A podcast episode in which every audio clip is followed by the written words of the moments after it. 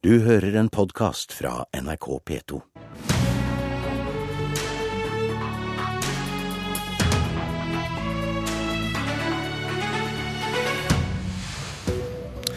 Kom regjeringen i går med en innrømmelse av feil de gjorde sist? Eller gjorde de som sist, kom med de riktige løsningene for fremtiden?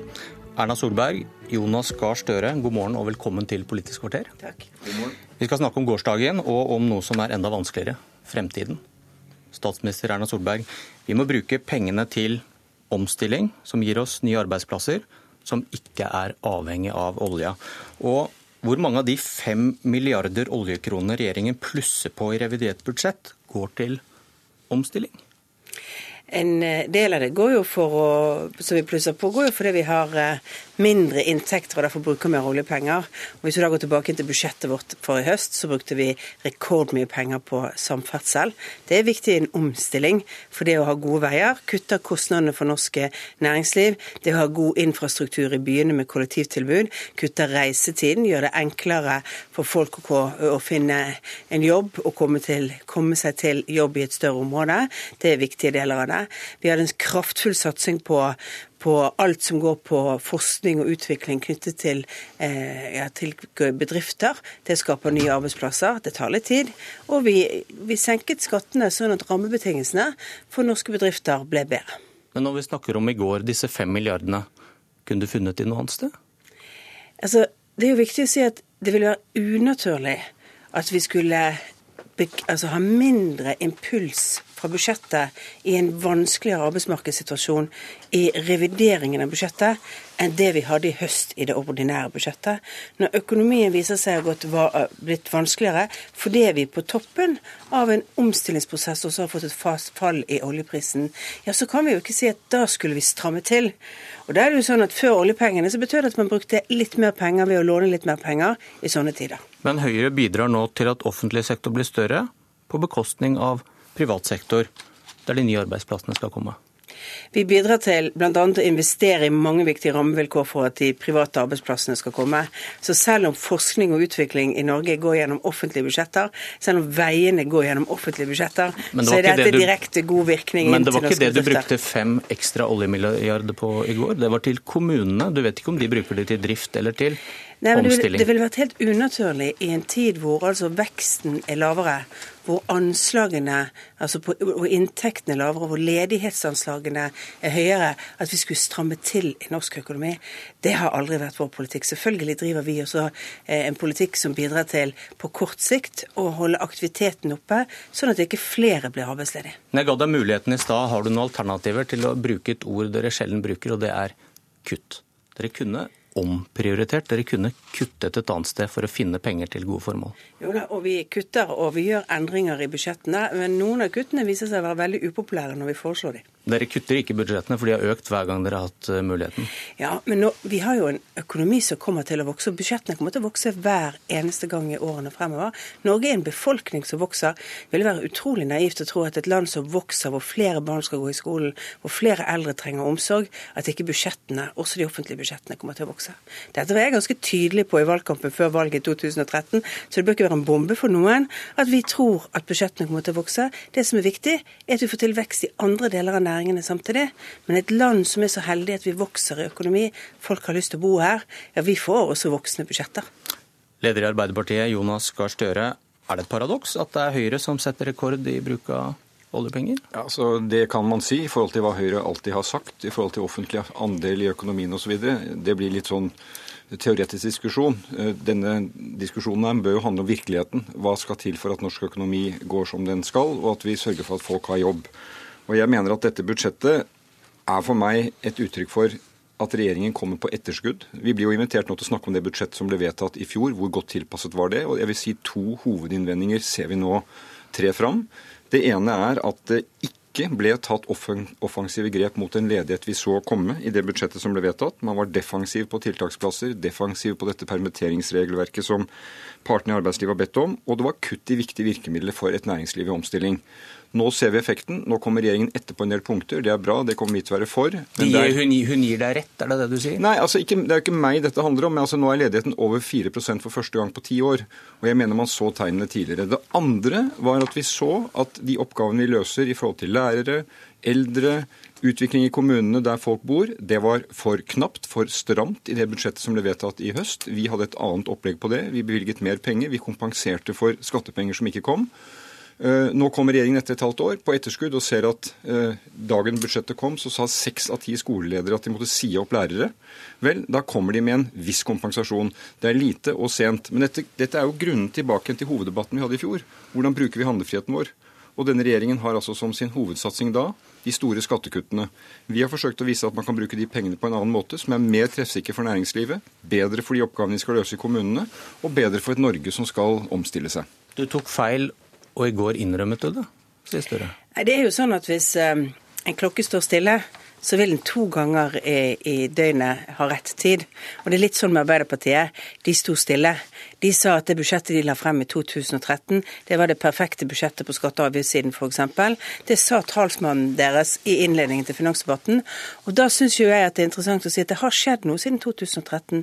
Vi arvet en økonomi som var i veldig høy fart. Veldig høyt kostnadsnivå, men veldig bra utvikling. Men veldig oljeavhengig. Og så har vi siden dag én sagt at vi må faktisk omstille oss til å skape de nye arbeidsplassene. Og så har det skjedd noe etter budsjettet ble lagt frem. Vi har altså fått en drastisk fall i olje oljeprisen i løpet av de månedene. Det eh, er jo interessant å spørre seg om Arbeiderpartiets budsjett i høst var tilpasset det. De gjorde et stort nummer at de skulle bruke litt mindre penger. Og da er det interessant å se når vi kommer inn i revidert nasjonalbudsjett, mener de fortsatt at vi skal bruke litt mindre penger. Jeg mener at det ikke er tilrådelig, og vi bruker altså da litt mer penger nå. Oljepengene for å ha samme impulsen til norsk økonomi som vi hadde den gangen. Jukser dere litt i argumentasjonen Støre, når dere ikke tar høyde for det som har skjedd med oljeprisen? Selvfølgelig ikke, men vi har hatt en annen tilnærming til hvordan vi møter de utfordringene. Altså jeg tror det at, eh, bare ta et eksempel. Jeg besøkte en eksportør av kongekrabbe i Honningsvåg, en suksessrik bedrift. Og Han syns sikkert at det kan være surt å betale siste kronen på formuesskatten, men han sa det at jeg betaler heller det enn å oppleve det kuttet som er på Innovasjon Norge og regionale midler som hjelper meg til å kunne eksportere til Kina. Anekdotisk bevis. Jo, men, den, men liksom, dette, Statsministeren eh, pleier å være flink til å fortelle om ting hun møter når hun reiser rundt om i landet. Og jeg, og jeg sier bare at eh, den store store satsingen på disse kuttene i skattene som skal være stimulerende Vi har spurt Finansdepartementet virker disse kuttene i formuesskattene til å skape mer aktivitet, mer investeringer. Vi får veldig uklare til helt Eh, negative svar. Og vi mener vi kunne brukt de pengene annerledes på omstilling. Det er jo ikke riktig at vi står stille i 2013. Vi tar en lang rekke tiltak. Men vi mener at det skattenivået vi hadde i 2013 omtrent, er godt for å møte de utfordringene Norge står overfor. Bl.a. i forhold til at vi skal ha nok lærere og en god eldreomsorg. Og det er, jo, det er jo igjen symptomatisk for Høyre, som er så opptatt av lærerne, at det dagen, dagen det reviderte budsjettet kommer, så sier seks av ti skoleledere at de må si opp lærere. Jeg gjentar det poenget, for det er jo virkeligheten der ute i kommunene. Og den kompensasjonen de får nå, den syns jeg er bra kommer, og vi kommer til å stemme for den. Men den kunne vært eh, gitt tidligere, og den kunne vært gitt mer komplett, slik at den situasjonen ikke hadde oppstått. Det er vanskelig å gi kompensasjon for skattesvikt før skattesvikten har skjedd. Arbeiderpartiet ønsket å bruke litt mer penger på kommunene, ja. Men det er viktig å se perspektiv mot de pengene som kommunene fikk når den rød-grønne regjeringen var. Så har det budsjettet vi la i høst vært meget godt for norske kommuner. Og nå kompenserer vi også for en skattesvikt som gjør at en del av de kuttene som vi har sett, og som vi mener ville vært urimelige og skulle gjennomføres i norske kommuner, ikke trengs gjennomføres. Men så har jeg lyst til å si at vi kan bruke mange anekdotiske bevis. Vi har altså løftet satsingen på forskning nært næringslivet, på BIA-midler, på Forny 2020, på SkatteFUNN-ordningen, sånn at massevis av norske bedrifter får nå tilgang på penger som de ikke fikk til å utvikle mer solide bedrifter, nye produkter, sikre arbeidsplassene sine. Ja, vi har tatt vekk noen, litt mindre satsing på noen regionale midler, fordi vi også syns at det er like viktig at vi satser på arbeidsplasser i hele landet. For vi må faktisk satse på de arbeidsplassene som også på lang sikt kommer til å gi vekstkraft for hele landet. Okay. Det er Det er jo en grunn til at næringslivet er fornøyd med det budsjettet vi har lagt frem. Fornøyd med den satsingen. Det er en grunn til at universitetene og høyskolene går ut og sier veldig tydelig fra. Det er faktisk et taktskifte når det gjelder forskning og utvikling under denne regjeringen. Okay. Og det er det fordi vi er opptatt av fremtidens arbeidsplasser. Vi er opptatt av å sikre det. Eh, vi startet med å snakke litt om hvordan du betaler for Gilde. Eh, Støre, når jeg hørte Ap i går eh, da kan jeg ikke skjønne annet enn at dere bare kan begynne å trykke opp valgplakater i 2017. Vi vil øke skattene. Det tror jeg ikke blir et eh, slagord for oss, nei. Det er liksom to typer argumenter i denne debatten. Eh, svaret er skattekutt, hva var spørsmålet? Eller svaret er skatteøkning, hva var spørsmålet? Det jeg tror vi skal nærme oss, er hvilke oppgaver skal vi løse, hvordan skal vi fordele dem, og hvordan betaler vi for det? Men hvordan skal dere betale for de ekstra milliardene til kommunene dere mente dere har råd til? Pga. regjeringens skattelette. I går så pekte dere veldig tydelig på deres alternative budsjett, ja. som ligger 10 milliarder høyere. Ja, men det er fordi vi, vi, har ikke foretatt de kuttene der 50% av kuttene går til de 3% rikeste, der Finansdepartementet ikke kan dokumentere at de har effekt på veksten. Vi har brukt pengene annerledes. Men jeg ser mot 2017 så skal velgerne få, da har vi en skattereform imellom antageligvis, et godt svar fra Arbeiderpartiet på hvordan vi betaler for fellesskapets utgifter. Det vi viser i denne perioden, er at det vi gikk til valg på, nemlig at et skattenivå omtrent på 2013-nivå, det mener vi er et godt utgangspunkt for å finansiere oppgavene våre i denne fireårsperioden. Så har statsministeren rett i at hva som kommer i perioden oppgang og nedgang, må vi ta hensyn til. Eh, men vi har illustrert at man kan bruke pengene på en annen måte. Vi vet jo at det får ikke flertall, for det har regjeringen med samarbeidspartiene. Og da vil dere ikke ta noe Da innebærer ikke det at dere må øke skattene i 2017 for å holde ord? Men vi holder jo, Når dere lover penger holder... til kommunene nå, og så skal dere bare absorbere skattelettene ja, som kommer se... og stå på et nytt gulv i 2017? Vi har lagt et alternativt budsjett for 2015, som vi er i nå. Det kunne vi regjert på fra dag én hvis det skulle vært nødvendig. Eh, så får vi se hva regjeringen kommer med for 2016. Og så skal vi legge frem et alternativt budsjett som i Arbeiderpartiets tradisjon er troverdig og ansvarlig. Men det du sier nå, det hefter ikke ved det dere bestemmer dere for i 2017? Nei, det gjør egentlig ikke det. Altså, jeg, mener at eh, Det er litt som hvis du, hvis du, overtar et hus, og så river du en vegg, og så anklager du andre for å ville bygge opp igjen den veggen.